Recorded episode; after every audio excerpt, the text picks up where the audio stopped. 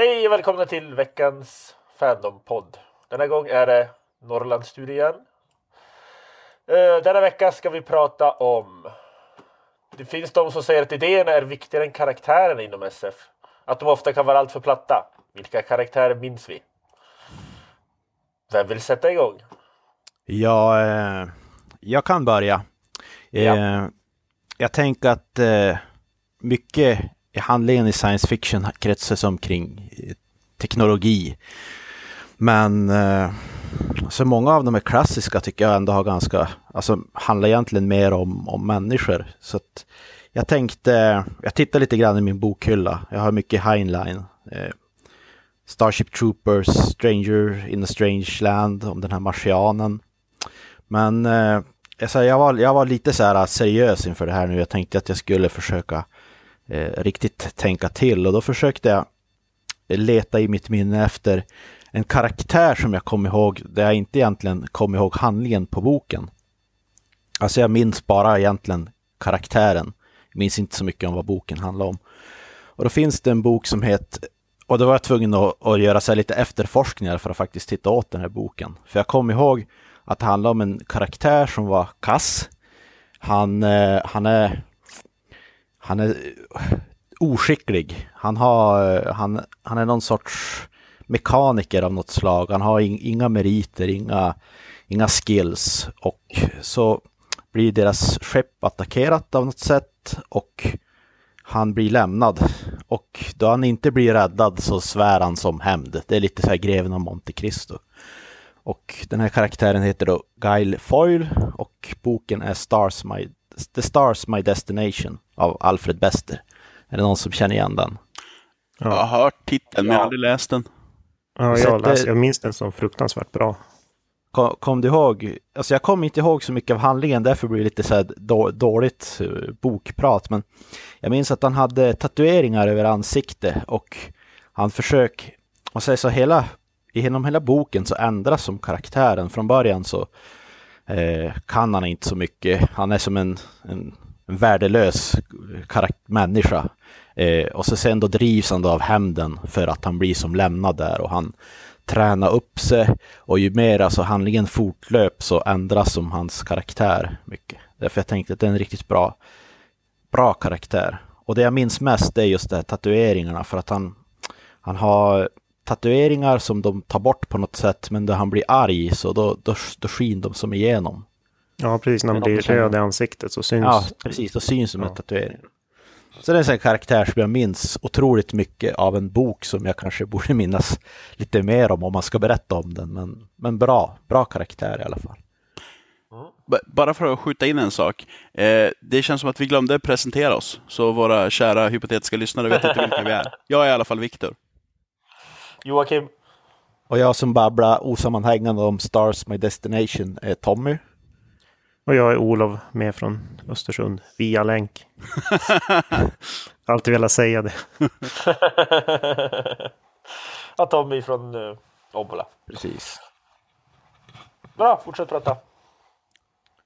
Ja, alltså som sagt, eh, det, hade, det är ju egentligen ganska många. Mark Whitney, eh, ensam på Mars, är ju en ny spännande karaktär. Eller en, en, karaktär som är lite annorlunda. Han är, han är som en, han är vetenskapsman och botaniker. Han är ju ingen actionhjälte.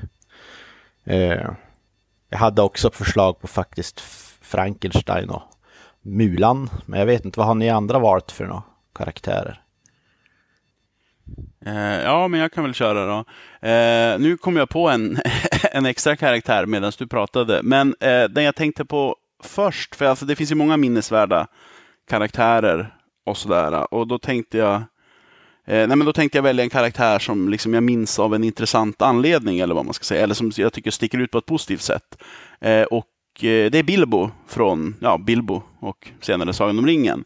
Och mycket varför jag tycker om honom eh, är för att som, som de flesta som känner mig vet och eh, förmodligen regelbundna lyssnare vid det här laget också, är något av en cyniker och eh, ger inte så mycket för liksom, idealister och sådär. Och där tycker jag att eh, Frodo är ju liksom en klassisk så här, martyrhjälte som bara liksom offrar sig för allas bästa och är liksom lite hjälplös men godhjärtad. Eh, och då tycker jag Bilbo känns som en betydligt intressantare karaktär, för han är liksom, ja men han är lite självisk och han är lite feg och liksom tänker kortsiktigt och ja, men sådär. Så att eh, det, det, är väl framförallt den här kontrasten mellan Tolkiens huvudpersoner, eller vad man ska säga, Bilbo och Frodo, som jag tycker är, är intressant där. Alltså, fantasy lider ju också av lite grann av det här, äh, den extremt goda huvudkaraktären. Ja, jo, jo. Alltså, Som fantasy lider rent generellt av det här, alltså väldigt svartvit moral ofta. Det är liksom de goda med stort G, huvudpersonerna, mot de onda med stort O, skurkarna. Mm. Och hur mycket jag än älskar fantasy så hatar jag ju den delen av genren. det här är ju bra, mm. alltså mycket modern fantasy är ju liksom lite, lite mer gråtoner. Eh, men sen en annan karaktär som jag kom att tänka på, eh, för du Tommy nämnde Robert Heinlein. Mm. Eh, och eh, en karaktär som jag inte tänkte på nu under förberedelsen, men som jag minns väldigt väl, det är huvudpersonen i Dubbelstjärna av Heinlein. Nu minns mm. jag faktiskt inte vad han heter. Jag tror att han heter Lorenzo. Jag minns faktiskt inte helt säkert vad han heter. Eh, men eh, för att summera, jag vet inte, har ni andra läst den boken förresten? Det var länge, sedan. Jag tror det, om jag inte blandar ihop det med något. Ja, jag kan ju summera den bara för, för eventuella ovetande. Eh, och det är att ja, det utspelar sig i framtiden eh, där mänskligheten har tagit sig ut i rymden och blivit, eller ja, träffat på marsianer helt enkelt. Eh, och eh, ja, och det är väl ganska spända relationer mellan människor och marsianer. Eh, och eh, då är det, finns det en politiker som är väldigt så här, ja men älskad och idealistisk och liksom, ja men lite idealpolitiken. Som eh, ja, men som, som håller på att förbättra relationerna mellan, eh, mellan människor och marsianer. Liksom väldigt betydelsefullt sätt. Och han ska, ja, han ska, jag tror han ska bli hedersmarsian eller något i den stilen. Och det är väldigt Liksom, det är en väldigt viktig ceremoni för diplomatiska relationer och så eh, men då försvinner han, han blir kidnappad. Och hans, eh, eh, ja vad ska man säga, hans medhjälpare rekryterar den här huvudpersonen då som är skådis. Eh, för att helt enkelt spela eh, politikern under den här ceremonin, liksom för att annars blir marsianerna arga och sådär. Och eh, ja, det är väl handlingen i princip. Sen blir det ju diverse komplikationer och, och sådär. Men eh, där är också så här som jag tycker om, för att han är en ganska liksom, klassisk antihjälte i och med liksom, när han rekryteras, att han är väldigt liksom, självgod. Att han är ungefär den bästa skådisen som solsystemet någonsin har skådat. Och att alla andra inte har insett det är bara deras fel. Och han är liksom ganska, ja men han är ju, ja han tycker inte speciellt mycket om marsianer, lite så här små rasistiskt.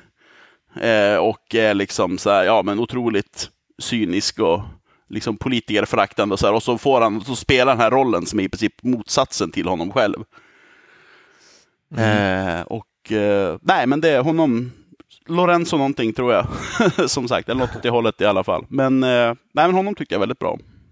Men, mm. ja, men, men det kommer ihåg också, att han verkligen växer in i rollen. Att han är, att till början är han så att politik, det angår inte mig. Jag, jag mm. bryr mig bara om mitt. Och så blir han mer och mer eh, engagerad om världen allt eftersom. Ja, det är en riktigt bra bok. Men om ni, om ni tänker tillbaka, håller ni med om att man har lättare eh, för att minnas, man säger som storyn eller så och inte karaktärerna? Och är det någon skillnad i science fiction och i andra genrer? Alltså jag tycker i alla fall att eh, det varierar definitivt från bok till bok. Eh, men inte så mycket, liksom, alltså inte så mycket mellan genrer. säga. Det finns ju science fiction som, ja, men till exempel som vi har pratat om tidigare, jag vet inte om det var någon podd eller under något förmöte eller vad det var, men att eh, Isaac Asimov är ju liksom eh, med rätta ihågkommen som en väldigt stor författare, men kanske inte någon överdrivet god persontecknare. Nej, framförallt inte stiftelsen. Nej, precis. Så att stiftelsen, jättebra bok. Handlingen minns man väldigt väl, men mm. de flesta karaktärerna är ganska liksom, lätta att mm. glömma bort. Men det, eh. det är också för att typ, det finns ju ingen karaktär som är med genom hela böckerna. Nej, men, eh, eh, men sen finns det ju motsatsen. Det finns ju väldigt liksom, karaktärsdriven liksom, SF och fantasy. Mm. Och, så här, och det tror jag, jag, jag, tror inte att det gäller liksom science fiction mer eller mindre än någon annan genre. Jag menar, det är samma sak, ta vilken ta deckare liksom. Det finns ju otroligt minnesvärda liksom, Fast... huvudkaraktärer i deckare och det finns de som bara är ihågkommen för att de har liksom, häftiga mysterier ungefär. Det, ja, det gäller väl i alla genrer skulle jag tro. Ja, fast ändå tror jag att det kanske är lite mer Alltså det finns ju karaktär, karaktärsdriven science fiction om man tänker som eh, Long Way to a Small Angry Planet till exempel. Mm. Eh, som, som är lite mer av ett, vad heter författaren? Kommer ni ihåg? Eh, ja, vad heter hon? Chambers. Ja, mm. precis. Mm. Eh, då handlar det egentligen bara om en besättning kan man ju säga. Eh, det är ju som mer karaktärsdriven. Eh, deckare som genre, då är det ju oftast, det handlar ju väldigt mycket om en person som ska lösa ett mord. Alltså, jag menar, tänk, typ, nu, nu kommer vi in lite på typ icke-fantastiska genrer här, men jag menar, tänk alltså, moderna svenska deckare, då är det ju ofta liksom ett gäng poliser så här, som, som samarbetar, så då tycker jag att det kan vara nog så. Jag tycker oftast handlar om en, en person som har någon svaghet som man ska relatera, alkoholism eller problem med kvinnor eller något och så sen så är han jättesmart och han eller hon jättesmart och så löser han ett, henne ett brott samtidigt som hen bollar med sitt privatliv. Och så är alla precis likadana. den, den, den, svenska alkoholiserade polisen? ja, precis. Eh, så att, ja. ja. Jag, jag, vågar inte uttala mig, jag läser lite deckare så jag kommer bara låta fördomsfull. Jag, jag, tror, nu, nu känner jag att vi verkligen håller oss kvar vid, vid, vid deckarna av misstag, men eh, jag tror att eh, den där alltså, svenska alkoholiserade polisen är väl lite grann som den typ klassiska fantasyhjälten eller liksom eh, rymdskeppskaptenen i, eh, i SF eller något så här. Att det är nog, mm. det är, definitivt en stereotyp som finns, men i mindre och mindre, eller vad man ska säga. Att det är liksom i, i moderna deckare, precis som i modern fantastik, så tar man ofta ut svängarna lite mer med, med karaktärerna. Mm. Ja, det är motsvarigheten till den här ensamma, eller en äh, bondpojken som visar sig vara kejsaren. Ja, mm. precis. Mm. Ja, det är lite så. Uh, det anknyter ju för övrigt till någonting som jag tänkte säga apropå just det här med alltså, ja, karaktärsdriven fantastik eller liksom karaktärer i fantastik. Eh, och jag tror att den fördomen, eller vad man ska säga, att det är liksom att karaktärerna inte är så viktiga i, i SF, var nog mer korrekt förut. Jag menar, Asimov ja. är ju inte den enda liksom, SF-författaren från den tiden som kanske inte eh, liksom, ja, var så bra på karaktärer eller brydde sig så mycket om karaktärer. Jag menar, Heinlein var ju ett undantag. Hans är ju generellt liksom mer karaktärsdrivna och med mer liksom utstickande karaktärer. Men Eh, ja, Heinlein är väldigt bra på det där att ta någon, eh, att göra just den här eh, coming of age historien. Att det är någon som är liksom en, en slarver i början och sen, sen ja. liksom växer genom det den ja. en, en, en Heinlein-karaktär som jag tycker var väldigt intressant. Eh, det var från, vad heter den, Job och så har han en undertitel. Åh, oh, Job, en uh, gudomlig komedi. Eh, ja, det kanske så den heter på svenska. Ja, eh, jo, men den i alla fall. För han börjar, han är väl någon slags typ präst, tror jag va? Alltså från... Jag tror alltså han är ganska typ fanatisk, liksom, alltså lite så här snudd på fundamentalist ja. i början. Och sen träffar han någon kvinna som är typ asatroende och väldigt liksom Eh, väldigt frigjord. Eh, och, och de reser mellan olika världar och det är väldigt, ja, det var länge sedan jag läste boken. Men det, de reser mellan olika världar, de, de reser mellan, de hamnar både himlet och helvetet. Jo, men jag tror, att, jag tror att även alternativa jordar har jag för mig. Jag tror de kommer från olika jordar. Jag menar typ apokalypsen kommer och så... Jo, men alltså, jag menar även alltså, innan de kommer till himmel och helvete. Jag har för mig att de far mellan... Ja, jag minns inte exakt. Eh, men det var i alla fall, alltså, jag, jag minns jag tänkte redan då jag läste den när jag var typ 15 eller någonting, att eh, det var en ganska ovanlig karaktär, liksom, framförallt i... Mm. Sen är det ju en väldigt ovanlig, på ett otroligt positivt sätt, bok rent allmänt. Det är ju superkonstig. men väldigt läsvärd. Ja, jo, jag också. Jag måste verkligen läsa om den. Jag, har, jag tror inte jag läst den sedan jag läste den första gången för typ 15 år sedan. Som Man kan ju undra om Star Trek har påverkat. Alltså just det här att det är ju ganska också karaktärsdrivet kan man väl nästan säga. Det finns ju som eh, och också Red Dwarf tänker jag. Den här typen. Red Dwarf mer än Star Trek i så fall. Ja, skulle jag också säga. Kanske det bygger mycket av humorn på liksom att man, man lär känna de här mm. tokarna. Liksom. Jag, jag tänker som bara så att själva konceptet att det är några personligheter på, ja, nästan som en roadtrip fast i, i rymden. Och det handlar ju oftast mycket om, ja, hur de här personerna lyckas övervinna hinder tillsammans och så vidare och så vidare. Det blir lite mer karaktärsdrivet på något vis. Vet, fast, ja. fast original Star Trek är ju mer, eh, det är mer en antologiserie med plotten så att säga. Mm. Karaktären är väl inte... Ja, jag tycker inte, alltså även de sena nu, jag har inte sett eh, Deep Space Nine eller Enterprise, men eh, men alltså, då, ja, jag vet inte. Det, alltså, det finns väl liksom karaktärsutveckling och så här i Star Trek, men det känns inte som det är det mest kanske, inte så, nej, kanske inte så mycket, men det finns. Um, sen det är ju en, ett problem, eller vad man ska säga, inte, kanske inte problem, men en tendens hos tv-serier rent allmänt egentligen oavsett genre, att eh, ofta, inte alltid, har de ju liksom att de behåller status quo. Att ja visst, karaktärerna kanske lär sig någon läxa ibland, så här, men på det stora hela så är liksom Kirk samma person i början och i slutet av mm. serien. Just det. Mm, precis. Ja.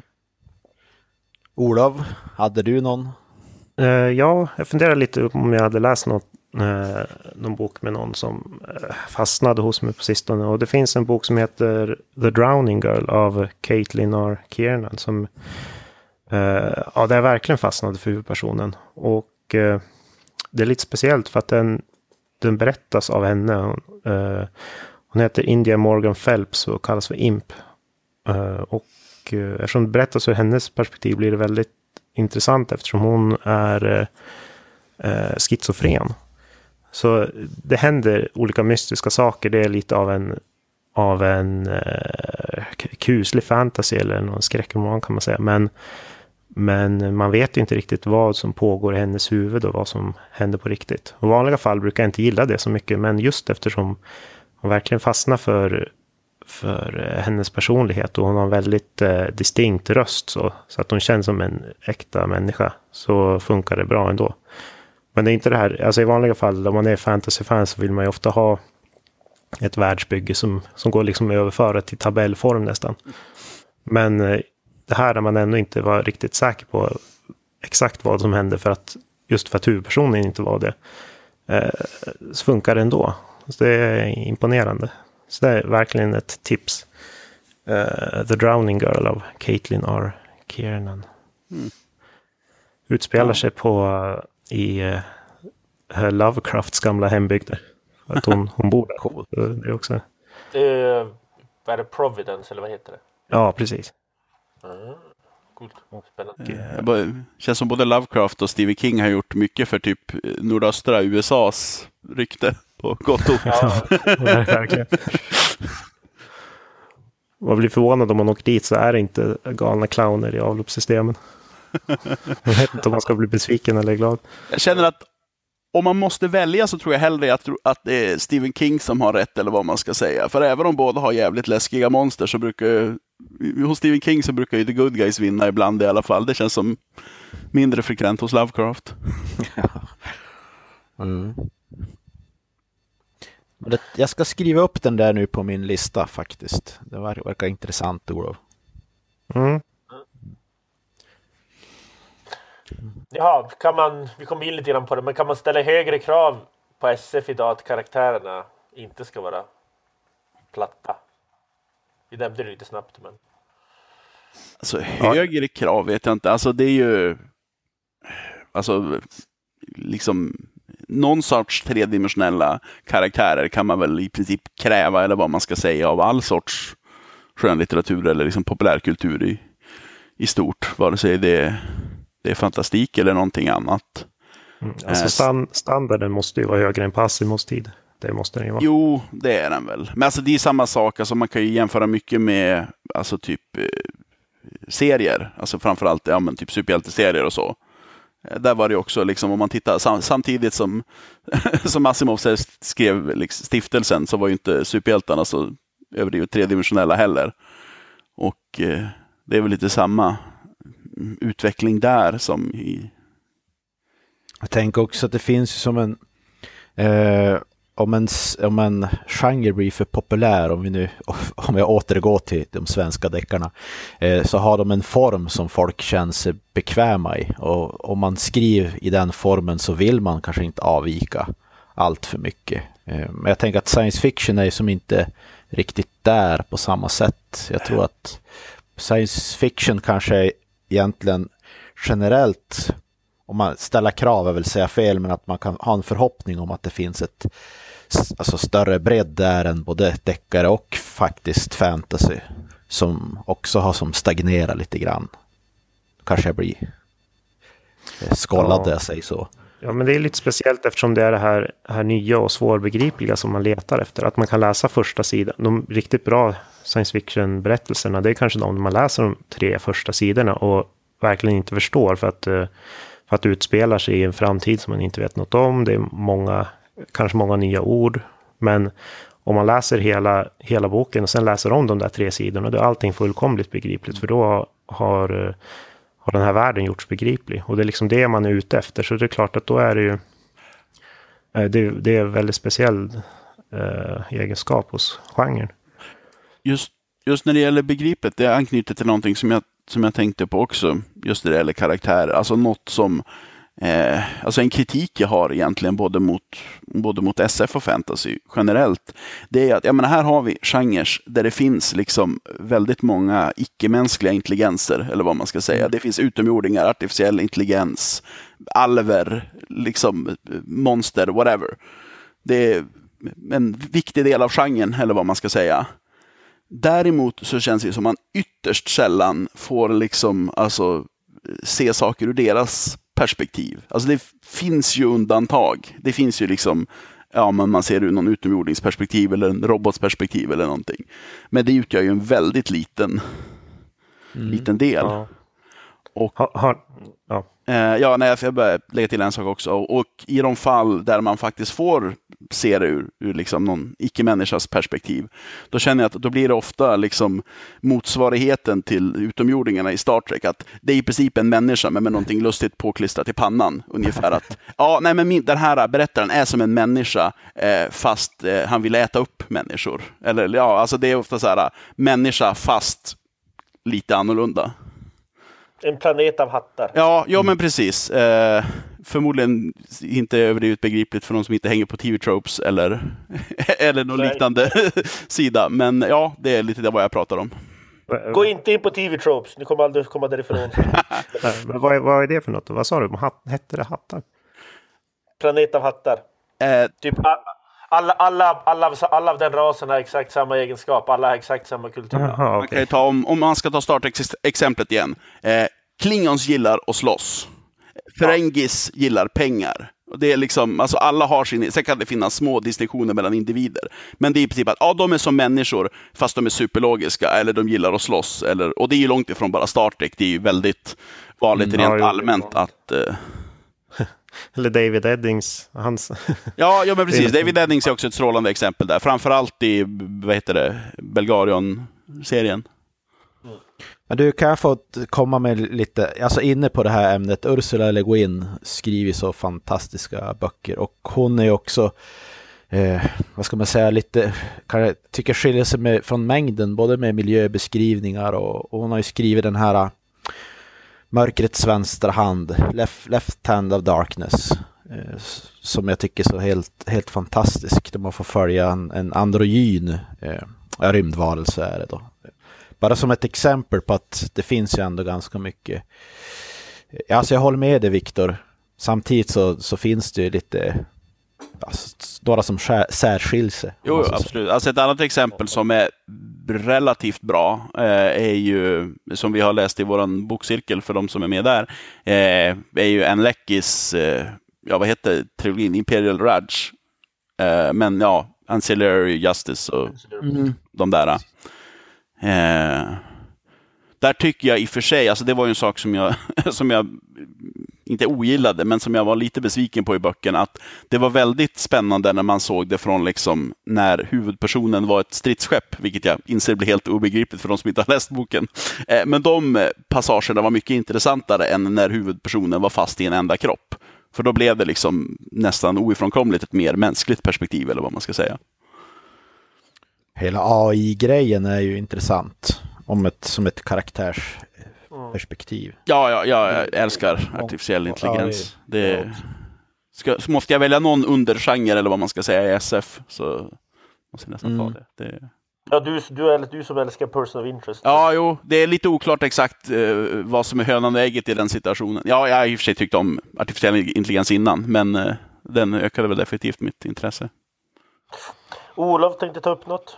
Ja, ja, just det. När du pratar om uh, utomjordingar så måste jag ge ett litet tips. Det är uh, en novell av uh, James Tiptree Jr. som heter, oh! om jag minns rätt, Kärleken är planen, planen är döden. Oh! Den är fantastisk. Den är skriven ur en utomjordings synvinkel. Mm. Och mm. man kan ju säga att del, delvis är det en kärlekshistoria som, som det antyds då i titeln. Men det är alltså en kärlekshistoria som berättas av en varelse som fungerar ungefär som så här vissa spindlar och, och sådana som mm. där eh, den ena parten äter upp den andra så att säga. Alltså, så att det är en väldigt speciellt. Men eh, ja, stark rekommendation. En av de bästa eh, berättelserna skrivna ur en icke-mänsklig varelses perspektiv som jag har läst. Alltså, jag skulle kunna sitta i timmar och prata om det bästa med Tiptree. Men det, det, det, den är ju väldigt typisk Tiptree. Kärlek och död är egentligen samma sak. Ja. Sex och död är samma sak. Så mm, den är, jo, den är... Apropå klyschor man kan använda sig av. Ja, men tip, Tiptree är bra. Det är en av hennes... Ja, apropå cynism också. Ja, det också. Ja, precis. Jo, men jag har läst hennes biografi också. Det, har du läst den? Jag har inte läst den än. Jag har hört att den ska vara så himla bra av i princip alla som har läst den. Och att det är en sån här som även den som inte gillar science fiction skulle kunna älska att läsa för att det är så fascinerande livsöde. Uh, ja, jo, det är nästan mer spännande än hennes noveller, trots att hennes noveller är spännande. Så det... Sex år gammal, jagar lejon. Ja, och sen... Och sen, hon typ spion sen eskalerar det därifrån. Eh, ja, jag, jag vet inte om jag ska, jag spoila hur det, hur det slutar i biografin? Kan man spoila en biografi? PS Hitler dör. Se, se, sex år gammal, jag har lejon i Afrika. 85 år gammal skjuter hon sin man och sen sig själv. det kände jag redan till nu inser jag. Och det var bara början och slutet. Sen är typ jobbade hon för CIA och var spion och... Alla män, alla män dyrkade hon för de bästa män och kvinnor älskade hon för att det var de bästa män. Så var hon kvinna. Men, ja. Jag ska kunna långt längre. Ja, men fortsätt Olof. Eller var du färdig? Jag var nog färdig. Okej. Okay. Jaha, ska vi gå vidare då? Vad har ni läst eller sett till denna gång? Märke, hade inte du någon karaktär? Nej, inte den här gången. det är karaktär. Jag orkar inte tänka just. Det var för mycket för fest igår. Det är mycket party. Jo, det var det. Vi, vi, vi, vi skippar mig den här gången, då måste jag tänka. Det är för övrigt många inom science fiction-fandom som blir irriterade när man använder ordet karaktär som, som vi använder det nu. Vi kanske ska aj, aj sätta in någon så här. Ut, utveckla det gärna, utveckla. Jo, men de menar att det är ett, ett sen tillkommet eh, eh, lånord, att man ska säga eh, figur istället. Ja, det är kar karaktär på svenska är egentligen bara om man har god eller dålig karaktär i princip. Jag har också hört det. Däremot, jag vet inte om jag har hört den så mycket just inom Fandom, utan det är nog mer från de som är till och med ännu mer ordfascistiska än vad jag är. ja, det, det lät som Fandom det. ja, det, här, det, det, det är kul att, att nämna. Men vi, vi, det är också så att den här podden spelas in av fyra riktiga karaktärer. Så de får väl tänka att det, är det ja, precis. precis. Så är det. Nu kommer jag faktiskt på en karaktär när vi ändå pratar om Triptree. Då, då kommer jag att tänka på... För hon är bara en massa bra karaktärer men... Är det ansikte mina systrar och är det ansikte mina systrar? Han, han har jobbiga titlar får man säga. Ja, jo. Ja, men det är... Mm, alltså... Det är ju det är en, det är en tjej som... Hon, spring, hon springer i ett post... Hon är typ eh, postiljon i ett postapokalyptiskt samhälle och så springer hon runt i olika städer och typ delar ut post. Det låter som Kevin Bacon. Ja, men... Problemet är att rest... Det, sen insinueras rätt, rätt snabbt att det kanske inte är en postapokalyptisk värld. Världen kanske är nutiden egentligen. Mm hon, hon springer omkring och är helt, helt uh, knäpp egentligen, psykiskt sjuk. Ja, det låter som det du pratar om Olof. Ja, det, jag tänkte också det. Det påminner faktiskt om, om det. Sen, sen, hon, hon, är väldigt, hon är väldigt spännande karaktär för hon tror liksom att världen är Hon tror att världen är bättre än vad den är egentligen. Trots att hon föreställer sig att världen är postapokalyptisk. Men ändå. ja, jobbig, jobbig novell att läsa tycker jag. Det är en väldig kontrast mellan den här fantastiska framtiden som hon beskriver och, och liksom nutiden som också sipprar in. Liksom. Det, ja, och sen, och sen, slu, sen slutar den ju... Ja. Vi ska inte säga hur den slutar.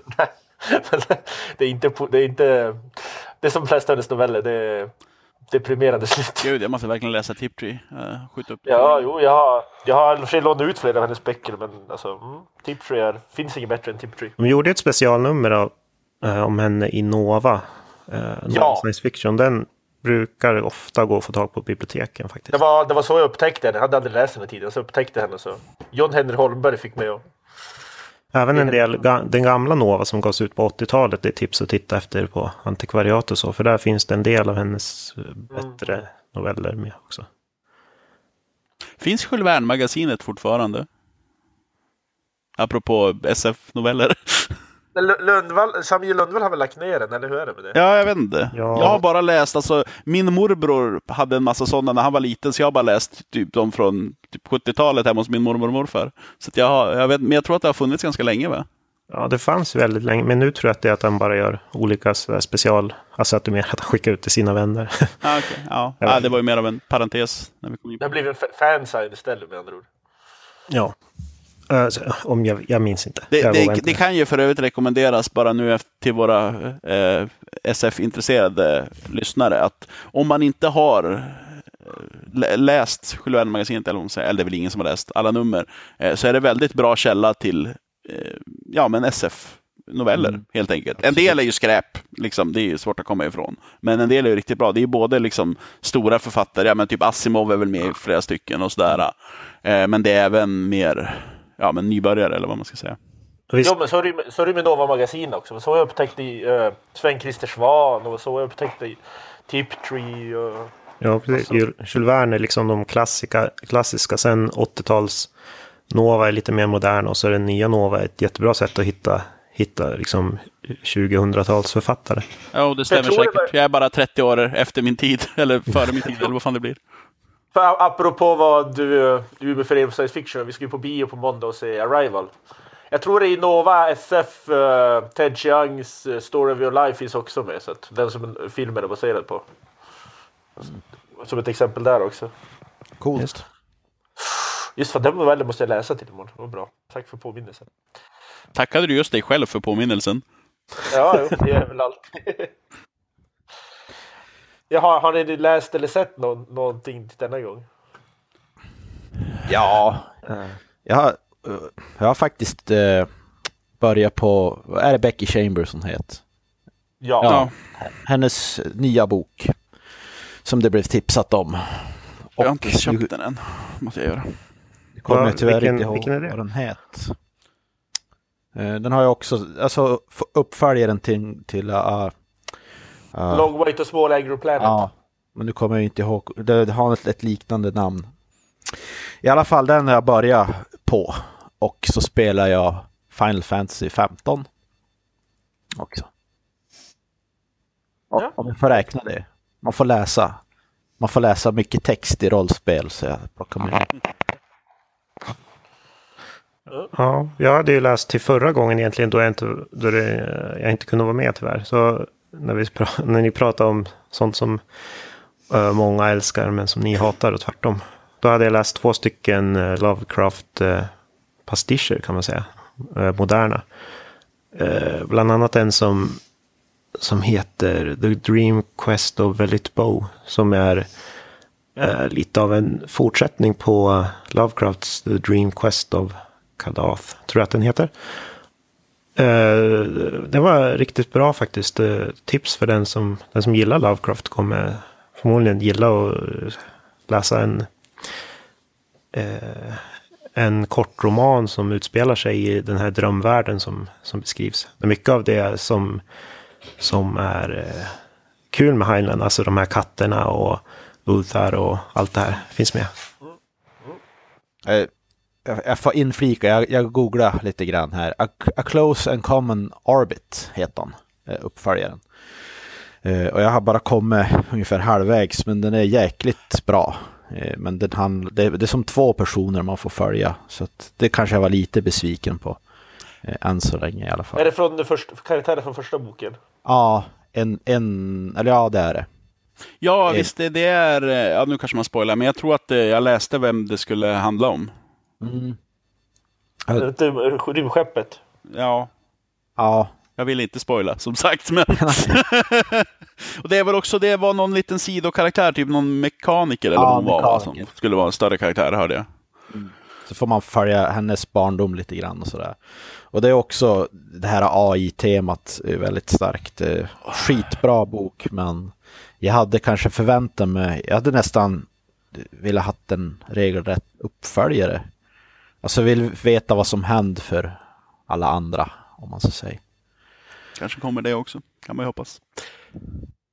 Jag har inte läst den första, men jag har förstått att det är Umeå Fandoms stora, stora favorit. Ja, det är nog en av de få som vi kan vara överens om. Jag tror den och ja. Sailor Justice tror jag är typ de som vi är mest överens om är väldigt bra. Jo. Den heter A Long Way to a Small Angry Planet. Ja. Det roliga var att jag köpte in den på biblioteket också och den är så här rekordutlånad. Jaha, ja, alltså, kul apropå den boken, jag måste ju säga att om ingen gör en tv-serie av den så är det ju fullständigt obegripligt. Dels för att den ja. är väldigt bra och dels för att den är ju väldigt episodisk. Den skulle ju, alltså man skulle ju bara kunna typ dela upp boken i typ x antal delar skulle man ha sin tv-serie ungefär. Sen det skulle ju passa väldigt bra för formatet också. Väldigt mycket modern Star Trek. Mm. Det är lite så. Ja, jag skulle, det är mer alltså som typ Firefly eller någonting snarare än Star eller typ ja, Red Dwarf eller någonting så inte så mycket Star Trek skulle jag säga. Rätt Får jag bara säga, på tal om Lovecraft, också en favorit. Jag har också köpt in en bok som heter New Cthulhu, The Recent Weird. Eh, och det, det, är det som en samlingsvolym med en massa ja, men, noveller som man har skrivit på det temat. Neil Gaiman har med någon och eh, eh jag såg någon av Mäkis favoriter hade också skrivit. Elizabeth Bear har skrivit. Ja. Är hon en av mina favoriter? Eller kanske hon är. är hon inte? Mäki har ungefär 111 favoriter. En av hans... Jag har inte läst, läst jättemycket. Där har vi i alla fall en författare som är bra på, på karaktärer och beskriva relationer. Elisabeth mm. Bear. Kan man säga. Snygg, snygg instyrning på motorvägen. ja, precis. Eh. Ja, nej men det är ja. kul med att det är många som gör Lovecraft-pastischer. Det är ju många som har lite kluvet förhållande till honom i och med att han var djupt osympatisk. Ja, ja, precis, men ändå liksom skapade världar som är bland de mer fascinerande. Alltså det är jättemånga som verkligen älskar de här världarna. Och det är klart att han har betytt mycket för, för eh, ja, skräckgenren såklart. Men eh, ja. det lika med den här om Velit Bow då, som jag läste. Det är, det är en kvinnlig huvudperson och tar upp liksom hur eh, kvinnornas position i, i den här drömvärlden. Eh, och så. Mm. Och lika jag läste också The Ballad of Black Tom, finns det en som heter, som, ut, som i princip utspelar sig där The Horror of Red Hook utspelar sig. Som är en ganska, eh, det är väl en av de mer rasistiska novellerna av Lovecraft kan man säga. Men det är alltså en, en, eh, en svart kille som eh, är huvudperson. Och som är liksom en av de här som, som, ja, som bara beskrivs som en, en hord av, av otäcka vildar liksom i, i Red Hook. Men man får se det ur hans perspektiv den. Så The Ballad of Black Tom, den var också, också bra. Mm. Jag tycker det är faktiskt ett bra sätt att, att hantera Lovecrafts arv. Att man tar det som är bra men, men äh, sätter en lite modern spin på det. Det tycker, mm. tycker jag också faktiskt. Mm. Själv har jag läst, ja, just nu läser jag ju Brian Greens Hidden Reality. Om typ, han är ju populär, populärvetenskaplig forskare. Han skriver, nu, den här boken handlar om uh, teorierna kring parallella universum och varför kvantmekaniken liksom pratar om att det eventuellt måste finnas parallella universum. Det skulle förklara så himla mycket när det gäller det här med våg, vågteorier och när det gäller partiklar och sådana grejer. Jag har inte läst så mycket sen sist. Jag har mest spelat Stardew Valley på fritiden. Eh, däremot så kom jag på bara, eh, det var någon, var det Olof eller Tommy eller någon som, prat, som nämnde någonting om Highline och katter. Och då bara kom jag på att jag kan avsluta med att lägga till ytterligare en väldigt minnesvärd karaktär.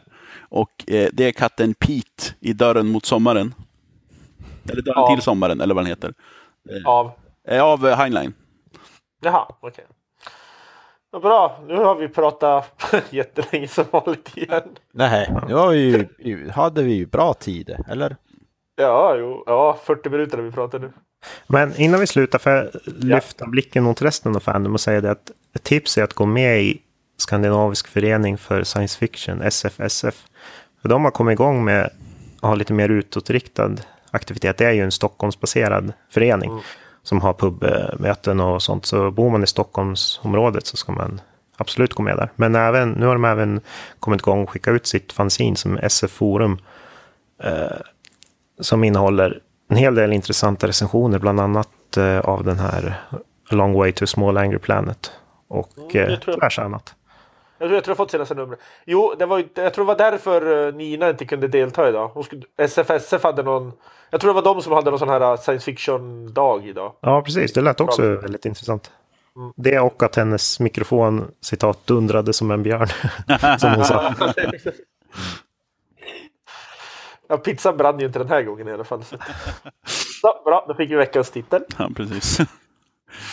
Bra, men då har vi inte så mycket mer att tillägga.